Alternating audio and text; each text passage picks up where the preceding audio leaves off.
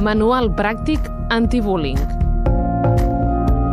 Oriol Julià, de CER, Salut i Educació Emocional.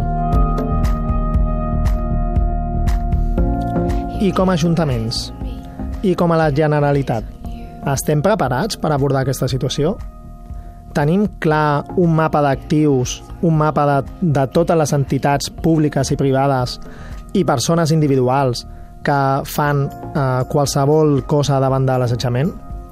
Tenim clar totes les iniciatives que ja fan altres escoles eh, per, per ajudar a aquest tema?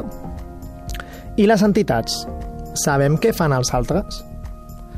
Què tal si ens juntem? Què tal si comencem a veure que posant cadascú només el nostre gra de sorra no estem acabant amb el tema? Per acabar amb el tema hem d'ajuntar-nos, hem de fer força, hem de organitzar-nos de quelcom de que tothom tingui repartit unes tasques i entre tots sumar.